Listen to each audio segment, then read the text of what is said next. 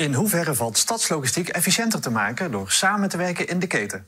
Dat gaan we bespreken tijdens dit webinar dat we organiseren in samenwerking met ABN AMRO.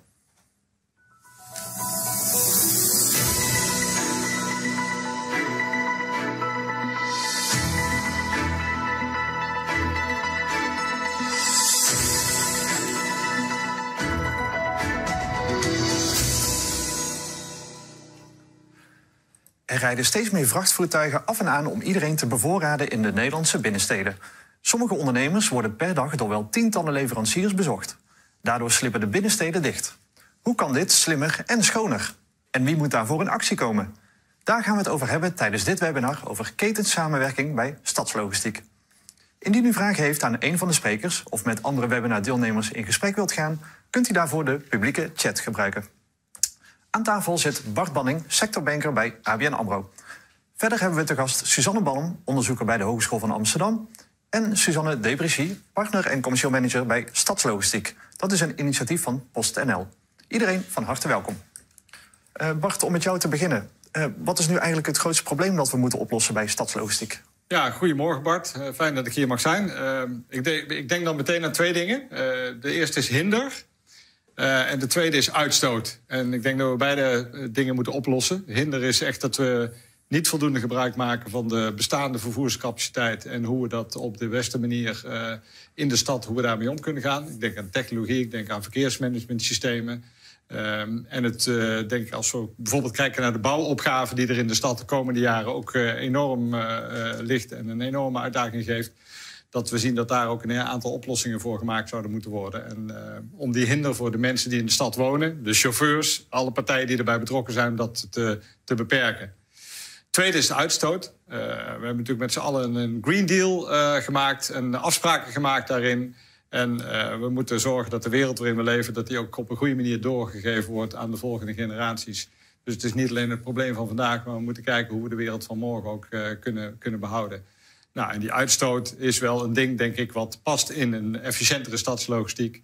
En zeker past in het thema van ketensamenwerking. Ja, en gaan we snel genoeg om, om deze uitdagingen op te lossen? Nou, het, ik, ik, zou de markt tekort doen als ik zeg dat er geen innovaties zijn. Die zijn er wel degelijk. Alleen ik denk dat de innovaties die er op dit moment zijn... Dat die, uh, da, daar zou best wel een versnelling ook op mogen, op mogen plaatsvinden. En dat heeft denk ik ook te maken met uh, de omgeving waarin die innovaties worden neergezet. Uh, wet en regelgeving moet aangepast worden om de technologische ontwikkelingen die die innovaties ook sturen, om die ook daadwerkelijk mogelijk te maken. Mogelijk te maken. Nou, ik denk dat dat, dat, dat uh, uh, de komende jaren echt wel door verschillende initiatieven die er getoond zijn, andere initiatieven zullen stimuleren. Dus ik denk wel dat we de versnelling nodig hebben om uiteindelijk ook die doelen te bereiken die we met elkaar hebben afgesproken. Nou, we hebben twee voorbeelden vandaag, denk ik, die hartstikke mooi zijn. en deze week is ook het Convenant 6 gesloten in Rotterdam, waar we zitten nu. Um, dus daar komt ook nog een filmpje van. Nou, fantastisch denk ik dat we dit op dit moment uh, zo, uh, zo uh, op deze manier aan tafel zitten. Ja, want je haalde het al even aan. een van de initiatieven is van de Hogeschool van Amsterdam en de Universiteit van Amsterdam. Ehm, zij hebben samen met hun leveranciers en logistieke dienstverleners de afgelopen vijf jaar gewerkt aan duurzame bevoorrading van de panden. Er is een logistieke hub aan de rand van Amsterdam gebruikt om facilitaire goederen, zoals printpapier en koffie, daar centraal af te leveren, te bundelen en met elektrische vrachtvoertuigen naar de schoollocaties te brengen. Suzanne Balm is onderzoeker bij de Hogeschool van Amsterdam. Suzanne Balm, welkom bij dit webinar. Ja, dankjewel. Goedemorgen. Dat uh, project heeft nogal wat uh, voeten in aarde gehad, uh, kan ik me voorstellen. Um, waarom al die moeite? Waarom is dit project uitgevoerd? Ja, dat heeft eigenlijk twee redenen gehad. we zijn inderdaad al een tijd bezig, in 2014 gestart. Uh, de ene reden is dat we als uh, uh, grote publieke inkoper, de Universiteit van Amsterdam en de Hogeschool van Amsterdam samen, graag een, ja, onze verantwoordelijkheid willen nemen in de stad om een voorbeeldrol te vervullen op het gebied van duurzaamheid. Um, we zijn met 80.000 studenten en 10.000 medewerkers de grootste universiteit en hogeschool van Nederland. Dus we hebben ook ontzettend grote volume wat, ja, wat wij dagelijks genereren wat de stad in gaat. En uh, de tweede reden is dat het vanuit onderzoeksperspectief een ontzettend mooie casus is. Uh, ja, we willen graag uh, impact creëren met ons onderzoek. Nou, dat lukt beter als het om grote volumes gaat. En mijn eigen organisatie die heeft dat grote volume. Dus toen ik in 2014 begon bij de AVA, ben ik samenwerking gestart met onze directeur Facility Services om hierin samen op te trekken. Ehm, en ik heb een slide voorbereid om even te laten zien wat we sindsdien gedaan hebben, want dat is behoorlijk wat en ook erg divers. We zijn dus in 2014 al gestart met een onderzoek. Nou, dat werd in 2015 gepubliceerd. Dat droeg al heel erg bij aan uh, meer kennis en meer bewustwording over het onderwerp. Om ook besef te creëren hoeveel wij als universiteit en hogeschool aan logistiek genereren. Um, en toen zijn we langzaam verschillende ketens beter gaan pakken en ook echt met oplossingen in de praktijk gekomen. Dat begon met privépakketjes van medewerkers die via uh, MyPub-kluizen werden gedistribueerd. Uh, we zijn gaan kijken naar de facilitaire goederen, waar, waar je het net over had, uh, Bart. Dus uh, koffie, toiletpapier, andere sanitaire producten. Um, echte grote volumes. We zijn naar catering gaan kijken, vanaf dat we in 2018 nieuwe cateringcontracten kregen. Maar ook het onderhoud van onze gebouwen genereert heel veel stromen. Dan kun je denken aan het technisch onderhoud, maar ook onze glazenwasser die alle panden moet uh, moet schoonhouden. We hebben zo'n 30 verschillende panden verspreid door de stad. Um, zakelijke pakketten is uh, uh, vanaf september, afgelopen september, zijn die, uh, is een centraal punt ingericht om die te ontvangen. En ook levering van laptops en telefoons gaan nu via dat punt. Um, ja, dus dat is een behoorlijke stroom. En Bart noemde ook al even de, afspraak, de Green Deal. dat is een beetje de stip op de horizon 2025 uh, om toe te werken naar zero-emissie stadslogistiek. Ja, en, en welke les hebben we geleerd uit dit project? Ja, ik denk een belangrijke les is de bevestiging dat je als grote inkoper veel kracht hebt om uh, een verandering in die keten te realiseren. Uh, dat als je een visie neerlegt aan je leveranciers, dat zij, zeker de grote leveranciers, waarvoor je een belangrijke klant bent, uh, dat zij daarin mee willen gaan en zich zullen inzetten. dus dat hebben we zeker, zeker ervan geleerd. Ook een belangrijke les, dat zie je al aan die tijdlijn, dat er echt veel tijd voor nodig is en commitment van alle partijen om hiermee aan de slag te gaan. Het is zeker niet iets wat je er even naast doet. Um, ja, dus dat is een belangrijke. Um, en ik denk die, dus de, diversiteit aan die van ketens van de goederenstromen, dat is ook een belangrijke les, dat elke keten een eigen benadering vraagt. Er is niet één pasklare oplossing uh, uh, voor, dit, uh, voor deze uitdaging. En als je al die, die ladingstromen gaat eh, bundelen vanaf de leverancierszijde, hoe werkt dan de verrekening van de logistieke kosten? Uh, gaat dan ook het voordeel naar die leverancier? Want hij hoeft inmiddels niet meer al die eh, schoollocaties uh, uh, te bezoeken. Of, of krijg je dan als inkoper betere prijzen? Ja, nee, dat klopt inderdaad dat, we, um, dat die leverancier in principe daar, daar het voordeel uit gaat halen als hij op grote schaal niet meer de stad in hoeft. En wij hebben het zo ingericht dat we onze leveranciers stimuleren om uh, zelf de afspraken te maken met de hubpartij uh, en die kosten te verrekenen. Dus ze hebben inderdaad een voordeel, maar er komen natuurlijk weer kosten bij die zij betalen aan, aan de hubpartij. Ja, en... Dus wij proberen als ontvanger eigenlijk zo ver mogelijk dan buiten die, die financiële afspraken te maken als dan de logistieke kosten betreft. En dat over te laten aan de leverancier en de logistieke dienstverleners. Ja, en, en wat was de impact op de Hogeschool van Amsterdam zelf? Want ja, in plaats van dat er een uh, aantal keer per dag een klein pakketje binnenkomt, krijg je nu in één keer een vrachtwagen vol met, uh, met goederen. Ja, dat is inderdaad ook wel een belangrijke les, dat dat niet altijd positief uitpakt. Terwijl dat vaak vanuit de theorie wel gedacht wordt. Van nou, minder stroom is minder frequent uh, de deur open hoeft te doen. En dat levert dan voordeel op bij de ontvanger. Nou, dat is niet altijd zo, omdat het inderdaad soms hele om hele grote volumes gaat. Wat de medewerkers niet gewend zijn. Uh, soms vergelijk je het ook met uh, je, je, eigen boodschappen. Als je dat één keer in de week doet voor de hele week, dan is dat een behoorlijke klus. Uh, en dan moet je dus wel nieuwe afspraken over maken. Opnieuw kijken van waar ligt dan de verantwoordelijkheid voor die, die levering over de drempel. Dus de, de inpandige distributie. Die werken wij met de, de, de leveranciers werken met de hubpartij Deudekom samen. Dat is oorspronkelijk een verhuizer. Nou, die zijn ook gewend om die diensten achter de deur ook te leveren. Uh, dus dat is onder andere nou ja, het, het, afleveren van pakketten in pakketkluizen. Dat verzorgen zij ook. Nou, dat verandert natuurlijk ook voor de medewerker dat zij dus niet hun pakketje bij de receptie ophalen, maar uit die pakketkluizenwand. Ja, uh, en ik denk, voor, wat misschien ook nog wel goed is om te noemen, dat voor, ja, het, uh, voor het merendeel van de medewerkers, die heeft echt helemaal niks door van al deze wijzigingen.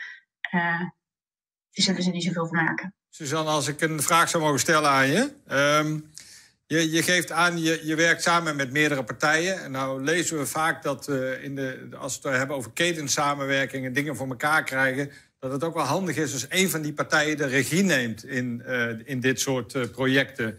Hoe was dat bij jullie?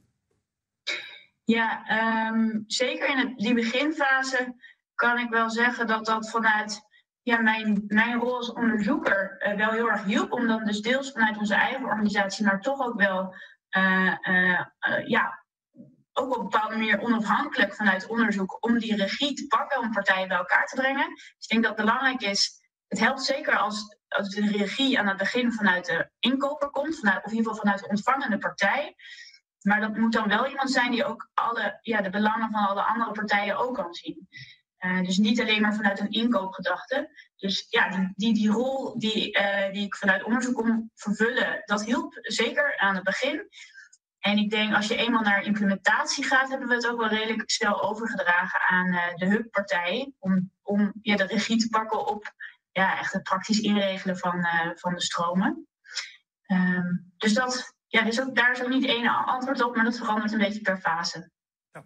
Uh, Suzanne Ballem, er is een uh, vraag binnengekomen van de kijker, Isa Rogiers.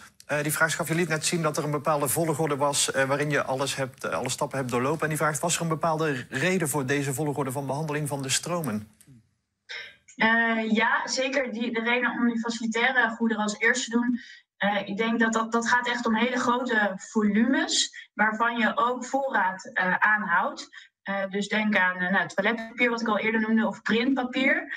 Uh, of um, ja, houdbare de, de, producten die in de vendingautomaten gaan, bijvoorbeeld, of koffie. dus dat zijn langlopende contracten van zeker wel vier jaar, waar voorraad opgeslagen kan worden. En daar zien we dus snel voordelen ontstaan bij het gebruik van een hub omdat er dan ook de voordelen zitten, niet alleen maar in de stad, maar ook in de kilometers naar de hub toe. Dus in plaats van dat er een frequente stroom naar de AVA UvA gaat, ging er uh, een minder frequente stroom naar de hub. En dan vanaf daar en naar ons toe. Dus dat is ja, dus een stroom die goed in beeld is. Die leveranciers kennen we.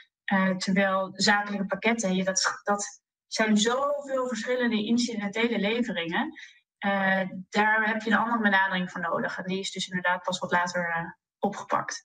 Ja, ik heb nog een vraagje, Suzanne, over die volgorde. Is dat juist ook de kracht van het succes wat je nu geboekt hebt... is dat je het niet vanaf het begin meteen te groot hebt willen maken... door allerlei dingen tegelijk te doen... maar je puur even te focussen op het eerste onderdeel facilitaire diensten...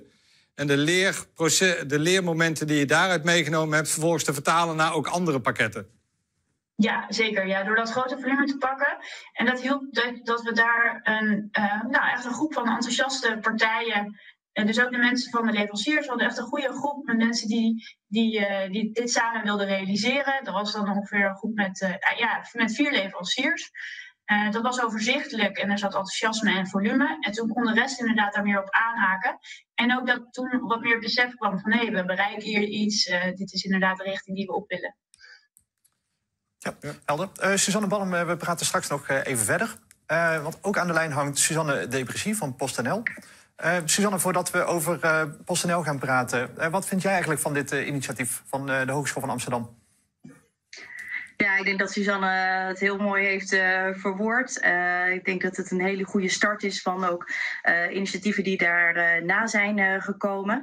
En ik denk dat ze ook wel goed de complexiteit hierin heeft benoemd. Uh, dat het, het lijkt makkelijker dan het is. En uh, dat we nu merken dat er uh, best wel wat moet gebeuren voordat je dit opzet.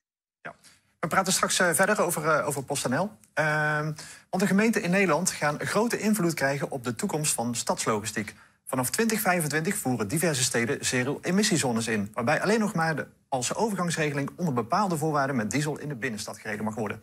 In 2030 moet dan ieder voertuig met zero-emissie rijden. Daarover heeft de gemeente Rotterdam deze week een convenant gesloten met de logistieke sector. We gingen in gesprek met Jan-Robert Albrechts, coördinator goederenvervoer bij de gemeente Rotterdam. Wat is er afgesproken in het convenant?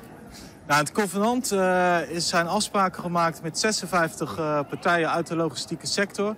Hoe we in Rotterdam efficiënt en emissievrij de stadslogistiek gaan organiseren. Met als uh, eigenlijk het belangrijkste stok achter de deur, de zero emission zone voor stadslogistiek vanaf 2025. En 56 partijen, dat klinkt me nogal veel in de oren.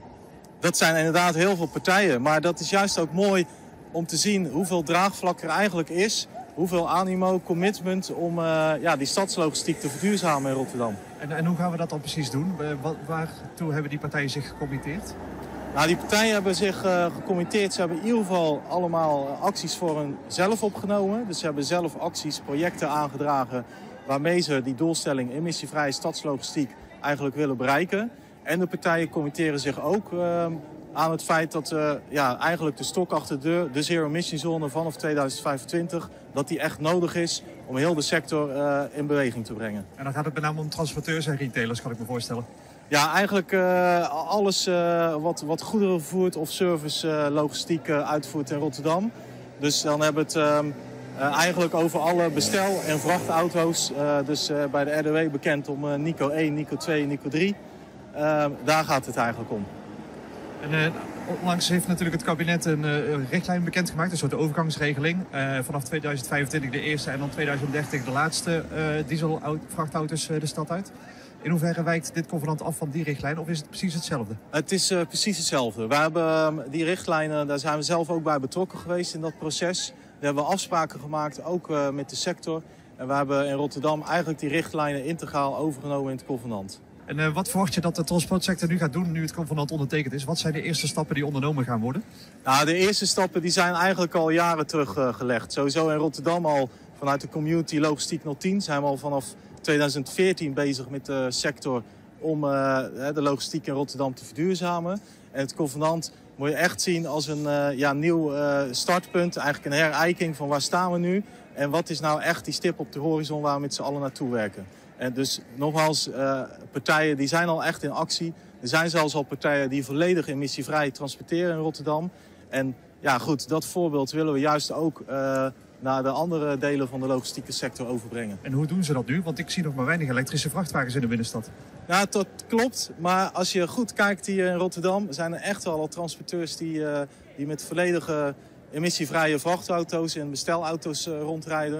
Er zijn ook convenantpartijen die al volledig emissievrij hun bedrijfsvoering eigenlijk uh, uitvoeren. Dus, uh, dus ze zijn er wel, maar daar moet echt nog heel veel gebeuren om in 2025 klaar te zijn. In hoeverre zijn de afspraken uit het convenant nu definitief? Of is er ook nog een gemeenteraad die er ook haar zegje wil doen hierover? Ja, op 1 december um, hebben al die convenantpartijen, inclusief de gemeente, het convenant ondertekend. Uh, de gemeente heeft daarmee eigenlijk gezegd van wij gaan dus die zero emission zone zoals we die hebben weergegeven in het convenant, gaan we invoeren in 2025. Uiteindelijk moet er natuurlijk nog wel echt een verkeersbesluit komen... om daadwerkelijk op straat ook de borden en uh, de camera's voor de handhaving neer te zetten. En wat gaat dat opleveren?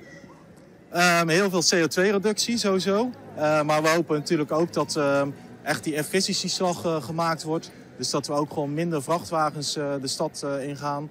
Die, en de vrachtwagens die de stad ingaan, dat die vol geladen zijn. Uh, en dat die ook emissievrij zijn. Dus dat we daarmee ja, veel schonere lucht in de stad krijgen. En ook bijdragen aan uh, de klimaatdoelstellingen wat betreft CO2. En uh, is de laadinfrastructuur daar ook klaar voor? Um, en wie staak is dat eigenlijk? Want ik kan me voorstellen, als ik hier kom als logistiek dienstverlener... dan wil ik ook ergens opladen in de publieke ruimte. Ja, nee, de laadinfrastructuur is echt nog een hele grote uitdaging. Dat, dat weten we ook als gemeente. En daarvoor hebben we ook gezegd, van, daarvoor gaan we echt een aparte strategie maken. Daar zijn we nu ook druk mee bezig. Um, dat ja, iedere ja, dienstverlener in Rotterdam dat hij ook gewoon uh, kan opladen. En we zien dat, uh, we weten dat, dat heel veel op de DC's uh, waarschijnlijk opgeladen moet worden. Dus we zijn ook een strategie aan het maken. Wat is nou de laadbehoefte? En hoe kunnen we samen met de netbeheerders ook voorzien in die laadbehoefte? Dan de Robert Albrechts van de gemeente Rotterdam. Dankjewel voor dit gesprek. Graag gedaan.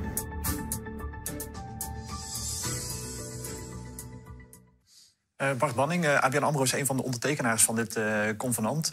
waarom eigenlijk? Wat wil je daarmee bereiken?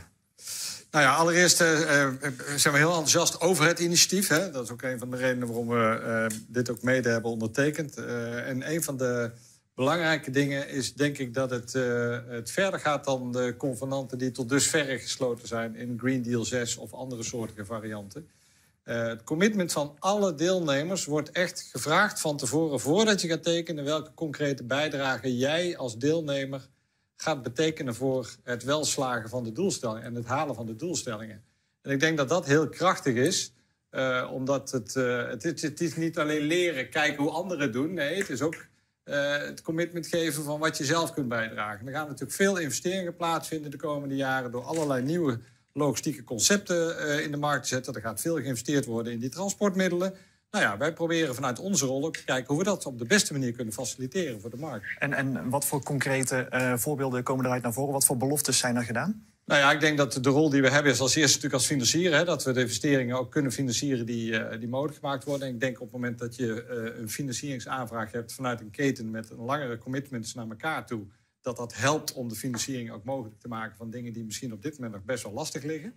Maar het kan ook heel praktisch zijn door uh, uh, artikelen te schrijven, door bijvoorbeeld ook een tafel te organiseren, zoals we volgende week doen in samenwerking met Logistiek 010.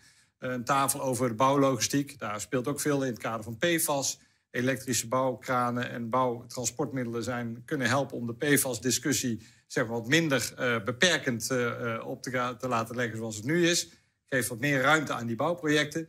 Nou, en dat is ook een rol die wij daarin willen nemen, hoe we die kunnen gaan financieren. Ja, helder. Uh, Bart Panning, we praten straks nog even verder.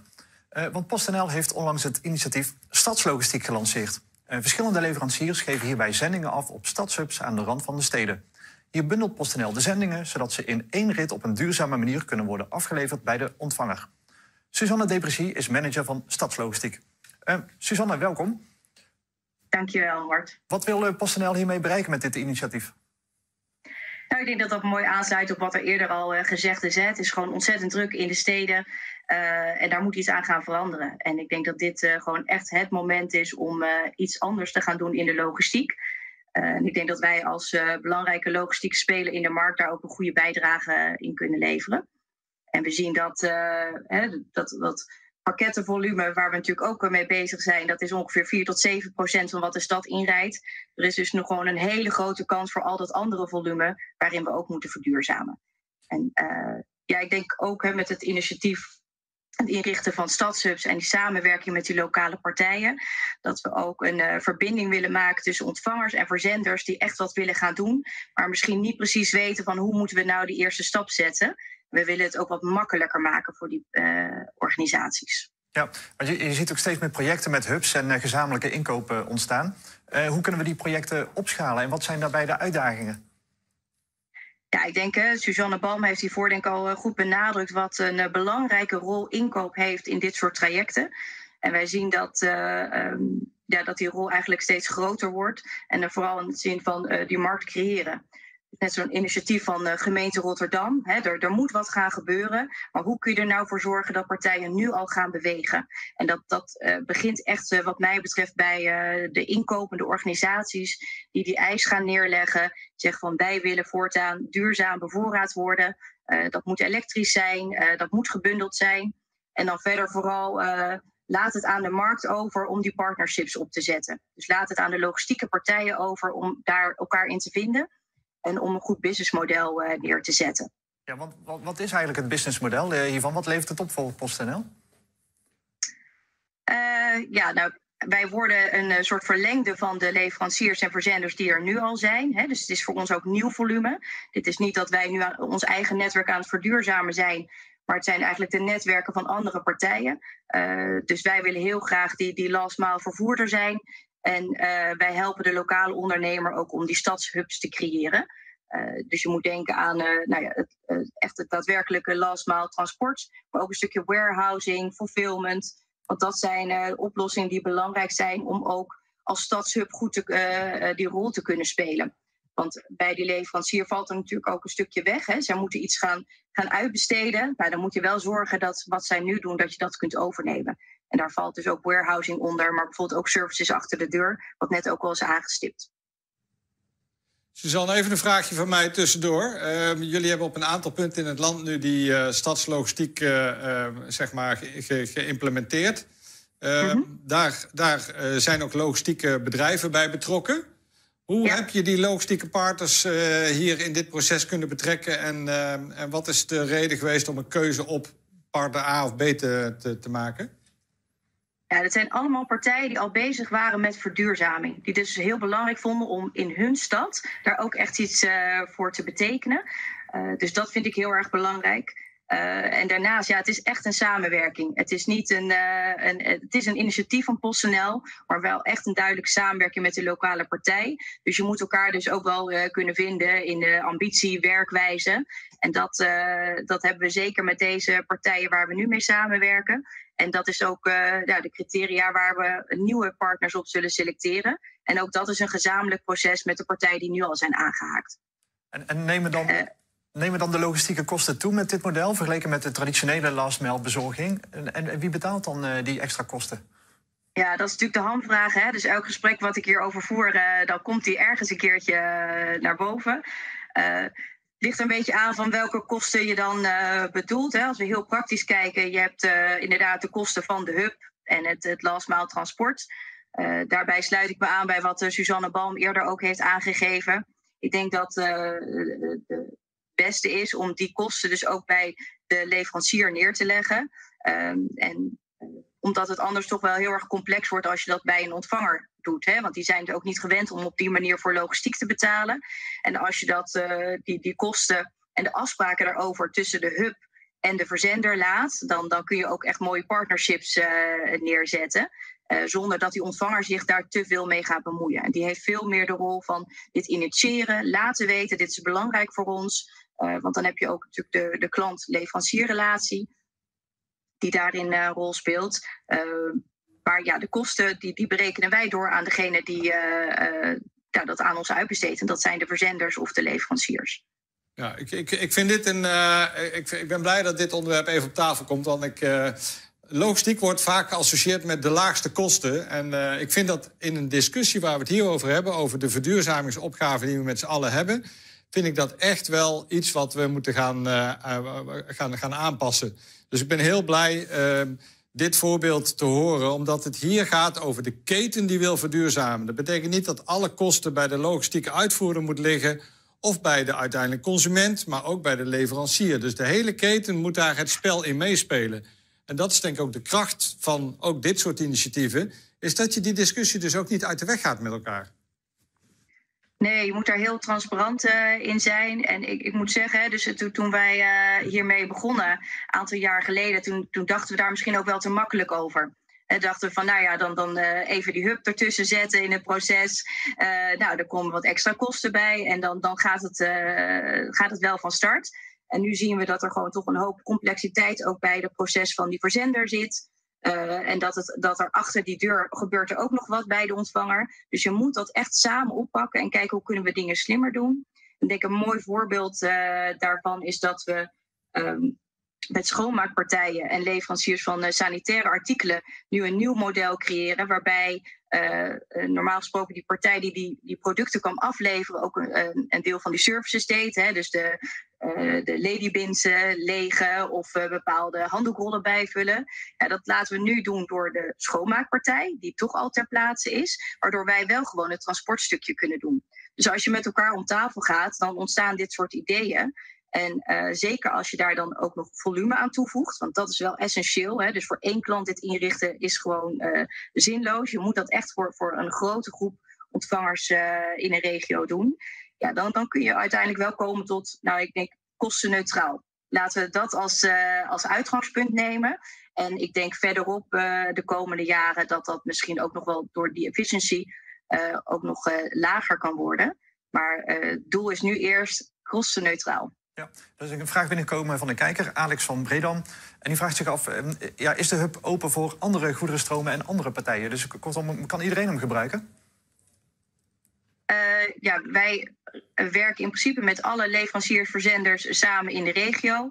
Uh, en dat, dat zijn uh, veelal facilitaire goederen waar het om gaat. Maar we zien ook bijvoorbeeld een toename van winkels. Hè, die zeggen van nou ja, ik wil eigenlijk ook niet die dieselbus voor de deur hebben. Maar ik wil ook naar mijn klanten toe laten zien dat ik me bezighoud met verduurzaming. En dan een, een elektrische auto voor de deur, die, die spreekt natuurlijk heel erg tot de verbeelding. Dus in die zin staan wij daarvoor voor open. Het is wel zo dat op onze locaties wij de uh, logistieke dienstverlener zijn als het gaat om het last mile transport. Dus het is niet uh, het pand waar iedereen een plekje kan huren en daar zijn eigen operatie in richt. Wij werken samen met de lokale ondernemer. Zij zijn eigendom, eigenaar van het uh, pand. En wij zijn de, de last mile vervoerder. Ja, en ehm, nou ja, als je dan met heel veel verschillende leveranciers en pakketten te maken hebt, hoe krijg je dan de planning optimaal? Ja, dat is natuurlijk altijd een, een uitdaging. Uh, wij werken met uh, ons eigen IT-platform, waarbij we dus uh, nou ja, via een API-verbinding alle zendingen voorgemeld kunnen worden. En dat is ook weer gekoppeld aan een planningssysteem. Um, en we werken natuurlijk heel regionaal. Hè. Is een klein bezorggebied. Dus op een gegeven moment heb je ook wel wat, kan je wat meer werken naar vaste routes. En dat is denk ik ook iets moois wat, wat hierdoor ontstaat. Is dat je ook met je ontvanger in gesprek kunt gaan. En zeggen van nou, hè, traditioneel kwam, werden deze goederen elke dag van de week afgeleverd. Maar het helpt ons als we dat kunnen brengen naar bijvoorbeeld twee dagen in de week nou, van tevoren dachten we ja, dat, dat gaat echt niet lukken. En nu zie je dat heel veel bedrijven gewoon zeggen van ja, als wij dat moeten doen, dat is dan onze rol in dit verhaal, dan gaan we er ook voor zorgen. En daardoor kun je dus echt eh, een stuk efficiënter gaan werken. En de, de, Suzanne, een optimale planning is één ding. Uh, wat het oplevert is een tweede. Uh, hoe, hoe zijn jullie bijvoorbeeld omgegaan met het kunnen meten van de CO2-uitstootreductie door dit initiatief? Ja, dat is uh, een goede vraag. En ik denk dat die ook steeds belangrijker gaat worden voor partijen. Die, die zijn hier nu denk ik ingesteld met het idee van ja, het kan eigenlijk niet anders dan dat dit beter is. Maar uiteindelijk wil je natuurlijk ook een stukje bewijslast. Hè, van hoe ga je daar nou, uh, wat heb je dan echt voor impact gemaakt waar we allemaal naar op zoek zijn. We gebruiken uh, binnen PostNL al de tool Bigmaal. Dat is wellicht bekend. daarmee kun je dus achteraf rapporteren van wat is nou je uitstoot geweest. Dus dat zien we vooral als een soort rapportagemiddel. En op dit moment werken we ook aan een, een, tool waarbij we van tevoren kunnen meten van wat is de situatie nu. En als je dan met een stadshub zou gaan werken, wat kan dan je impact zijn? En dan, dan kijken we bijvoorbeeld naar het aantal medewerkers op een locatie. We kijken naar hoe is het transport naar je locatie nu ingericht. Uh, en en nou ja, hoe gaan we dat dan aanpassen? Welke stromen gaan daarin? En ik denk, ik hoop dat uh, daardoor ook nieuwe ontvangers uh, gemotiveerd zijn om hiermee aan de slag te gaan. En dus met die duurzame inkoop ook gaan werken. Ja. Omdat ze dan toch een soort van kijkje kunnen krijgen van hey, hoe gaat het eruit zien en hoe belangrijk is dit eigenlijk? Ja, want er is een kijkersvraag binnengekomen van M. Scholten. En die vraagt: tot welke volumes kan er gewerkt worden? Gaat het enkel om collie-zendingen of ook om palletzendingen? Nee, fijn dat die vraag uh, er komt. Hè? Want ik kan me goed voorstellen dat je als je PostNL wordt... dan denk je natuurlijk aan die enorme stroom van pakketjes. Wij richten ons echt op de grotere ladingdragers. Dus dat zijn uh, de Europallets, dat uh, rolcontainers en ook wel collie. maar dat is alleen maar omdat ze dan naar dat zakelijke adres moeten waar wij komen. Maar het gaat hier echt nadrukkelijk niet om de gewone pakkettenstromen, de reguliere pakkettenstroom. Ja, dus grote uh, formaten. En uh, ja, de last mile zal, is, gaat op een duurzame manier volgens het, het, principe. Wat voor, voor soort voertuigen gebruik je dan daarbij? Ja, we hebben daar kleine elektrische vrachtwagens voor. Dat is voor de kenners de, de e-Fuso, of de, sorry, de e-kanter van de Fuso. en die kunnen zo'n 12, 13 rolcontainers dragen en acht pallets. En wat voor afspraken maak je dan met de leveranciers? Moet, ja, dan gaat het vooral om uh, nou, hoe komen, worden de goederen aangeleverd. Uh, soms is dat uh, middels crossdock. Hè, dus dan krijgen we ze gewoon kant-en-klaar met het label van tevoren. Komen ze op de hub en dan, dan nemen wij dat weer mee. en soms zeggen ze ja, het is voor ons wel heel efficiënt om ook een voorraad te houden op de hub. En dan komen we nog maar één keer in de zes weken bijvoorbeeld met een voorraad aan. En dan moet je ook afspraken maken van nou, hoe wil je dan dat, dat die order gepikt wordt en hoe dat afgeleverd wordt. Ja, Suzanne, je had het net even over de E-kanten van Fuso die jullie gebruiken. Um, de, de, de, de, veel gehoorde reden om niet elektrisch te gaan vervoeren is omdat ze zeggen: ja, de beschikbaarheid van, dat, van die transportmiddelen zijn er niet. Uh, nou ja, als ik naar Picnic kijk, als ik naar jullie kijk, dan uh, valt, dat, uh, valt dat in de praktijk misschien wel mee. Maar hoe, uh, hoe vind je dat bijvoorbeeld uh, vanuit, ik weet niet hoe jullie, hoe jullie deze dingen financieren hoor, maar Zien jullie dat er vanuit de banken ook voldoende ruimte is om dit soort nieuwe uh, transportmiddelen ook te financieren? Of vind je eerlijk gezegd dat daar nog wel een weg te gaan is? Kan ik die mee terugnemen? Ja, ik weet niet of het uh, aan de financiering ligt. Uh, we zien natuurlijk wel dat de markt voor elektrische voertuigen nog wat beperkt is. Hè. Dus in die zin herken ik wel die, die klacht. Maar het ligt er wel ook heel erg aan welk type voertuigen. Want er zijn natuurlijk volop kleinere elektrische busjes beschikbaar. Um, en, en de vrachtwagens die wij nu gebruiken, uh, nou, daar rijden er niet heel veel van rond. Dus dat is ook niet zo dat als je die nu bestelt, dat je die dan volgende maand hebt. Hè. Dus dat, dat is wel iets waar we richting 2025 natuurlijk wel een verbetering in moeten zien. Uh, en ik denk dat wij als, als uh, grote logistieke partij hebben natuurlijk ook als inkoper daarvan een, een, goede positie. Hè. Dat, dat, dat, dat zullen we ook niet ontkennen. Maar ik denk, wil je echt wat gaan doen, dan moet ook die beschikbaarheid van die voertuigen wel omhoog. Ja. Dus wij zitten nu goed en we hebben ook afspraken over het, uh, het opschalen van het initiatief. Want uiteindelijk wil ik natuurlijk in, in uh, 25 steden in 2025 deze oplossing kunnen aanbieden. Maar dan moet er uit het transportwereld nog wel wat gebeuren. Maar ik, denk, denk dat, ik, ik, denk dat daar met name ook uh, wel de kracht ligt van een ketensamenwerking. Dus op het moment dat je als uh, keten ook uh, de vraag hebt om dit soort productie van transportmiddelen te kunnen realiseren, dan is het voor de partijen die die, moet, die, die productie moeten realiseren ook makkelijker om dat op te schalen. Uh, en niet bij, bij, individuele afnemers elke keer datzelfde verhaal te moeten doen. Nee, op het moment dat je ziet dat daar steeds meer volumes gaan plaatsvinden in die stad op deze manier, dan zie je dat als er een vraag is, dan gaat het aanbod er vanzelf komen. Ja. ja. Er is een kijkersvraag uh, binnengekomen. Uh, even kijken. Peter, Peter Witteveen vraagt zich af... Uh, is het ook mogelijk om af te leveren op bouwplaatsen... die geen bestaand adres hebben... maar natuurlijk wel in, een paar maanden lang... best wel veel volume aan inkomend goederentransporten binnenkrijgen? Ja. ja, ik heb het nog niet eerder zo aan de hand gehad.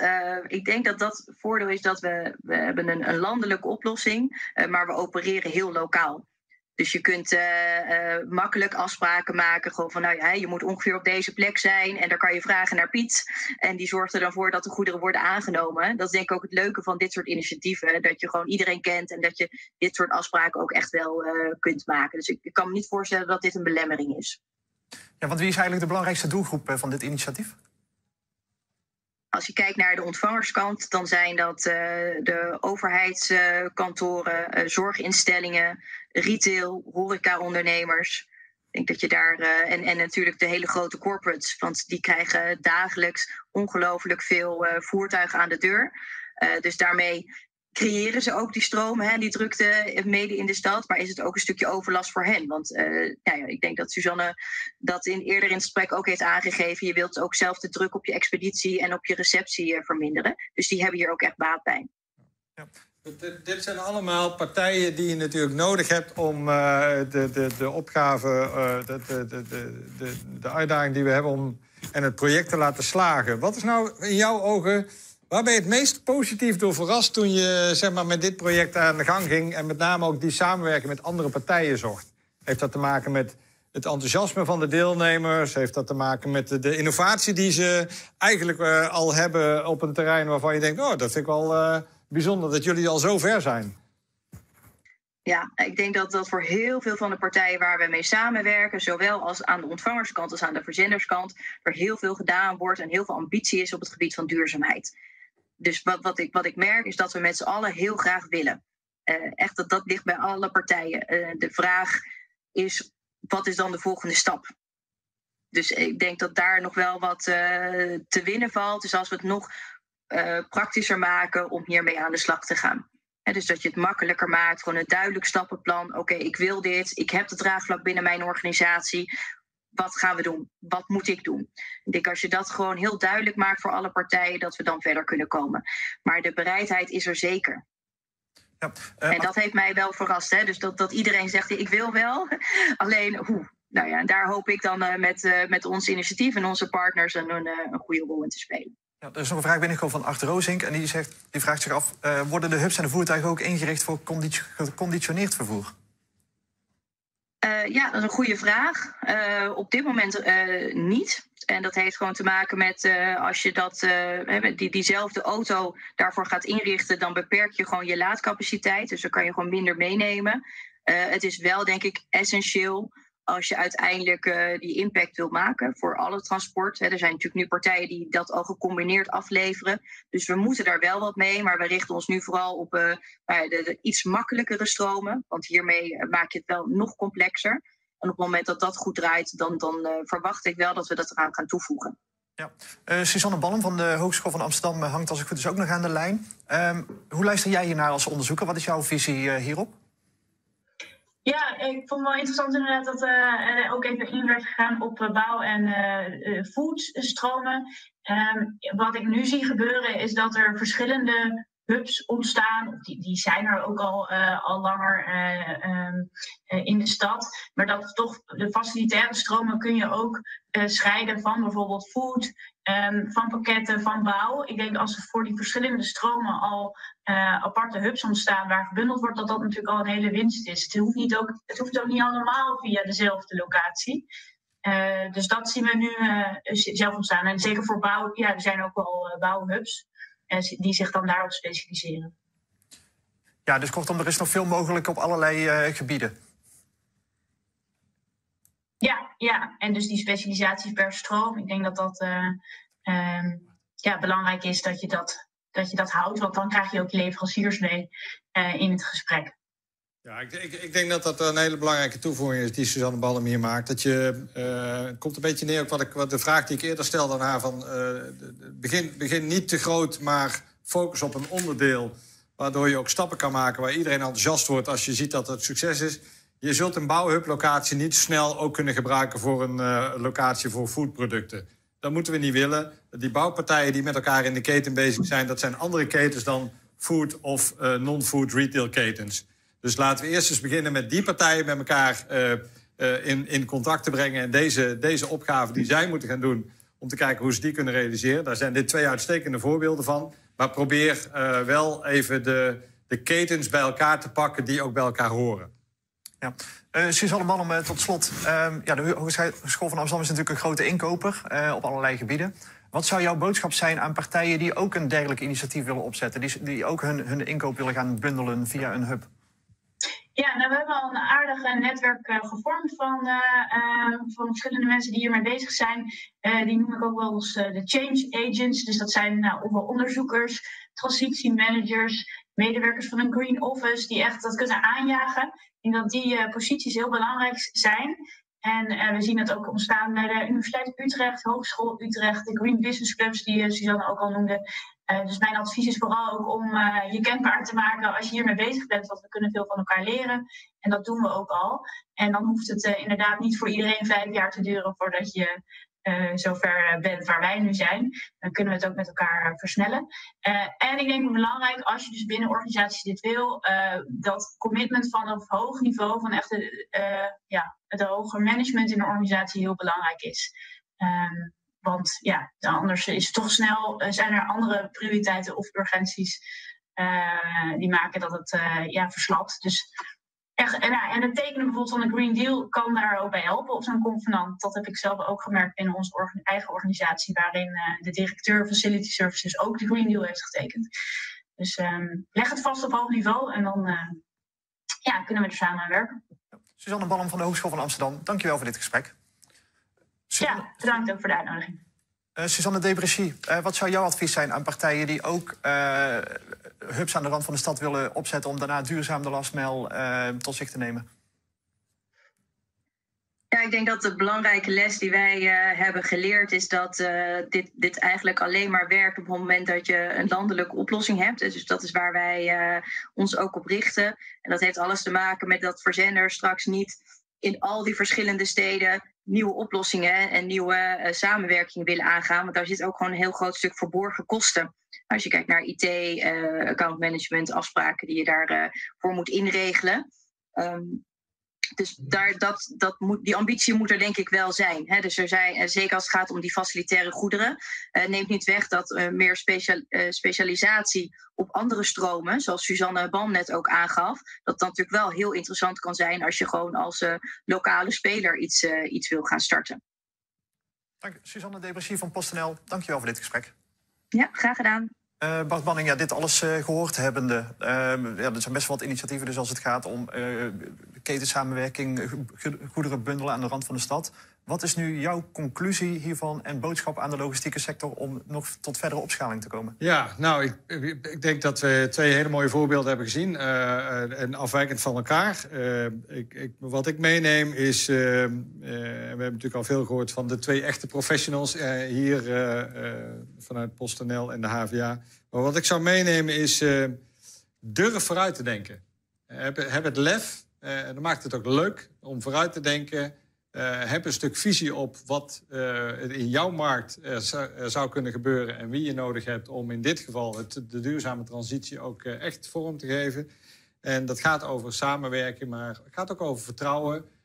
transparant durven zijn naar elkaar. Niet altijd denken van wat gaat het mij opleveren. Maar misschien moet je soms ook zeggen de kost gaat voor de baat uit. Ehm, dus ik, ehm, ik, ik word enthousiast als ik dit soort verhalen hoor. Uh, want het, het is echt waar het om gaat. Je kunt het niet zelf. Je bent onderdeel van de keten. En als je de keten wil verduurzamen... dan moeten ook alle partijen die daarin actief zijn... moeten daar een stap zetten. Ja, en, en ja, een grote aanjager zal natuurlijk zijn het invoeren van de zero-emissiezones. Eh, net zoals hier in uh, Rotterdam uh, ja. op de planning staat. Maar eigenlijk vrijwel alle grote steden in Nederland. Um, gaan we daarin snel genoeg? Nou, dat is een beetje de vraag die je in het begin ook stelde. Hè? Gaat het snel genoeg? Ik denk uh, dat we. Dat we uh, Nederland is natuurlijk wel een land waar we veel ondernemers hebben die gewoon de schouders eronder willen zetten en verder willen gaan. Ik denk dat, net werd even genoemd door, door een van de Suzannes van, of Suzanne Depressie van PostNL, had het over het systeem van Big Mile. Hè? Het, het kunnen rapporteren van CO2-uitstootreductie. Dat is denk ik wel een heel belangrijk ding om met elkaar te delen wat een bepaald initiatief heeft opgeleverd. Ook op dit gebied. Ik zeg altijd heel makkelijk, op het moment dat we CO2 zouden beprijzen... dan zou het misschien nog wel wat sneller gaan. Want dan moet er gewoon betaald worden voor de uitstoot. Nou, zover zijn we nog niet. En misschien moeten we het ook niet zo ver willen laten komen. Maar uiteindelijk is het wel belangrijk dat je ook tussentijdse successen... ook heel goed met elkaar deelt en laat zien dat er inderdaad veel mogelijk is. Anders waren deze twee initiatieven, als die vijf jaar geleden niet gestart waren... dan was er ook niet uh, het resultaat van waar ze nu mee samenwerken... En wat ze nu hebben gerealiseerd was niet gebeurd. Dat geldt ook voor het initiatief van Stadslogistiek. Ja, dus kortom, maak duidelijk wat je wil bereiken... en meet vervolgens ook wat je bereikt hebt. Ja, en, en, en durf ook de dingen te doen. Uh, niet alleen op papier, maar ook gewoon daadwerkelijk in de praktijk. Ja. Bart sectorbanker bij ABN AMRO. Dankjewel voor je komst naar de studio. Graag gedaan. Dan zijn we hiermee aan het einde gekomen van dit webinar... over ketensamenwerking bij Stadslogistiek. Ik dank Suzanne Ballem, Suzanne Debrissy en Bart Banning voor hun inbreng. En het, uiteraard u als kijker voor uw actieve deelname. Voor nu bedankt voor het kijken en tot de volgende keer.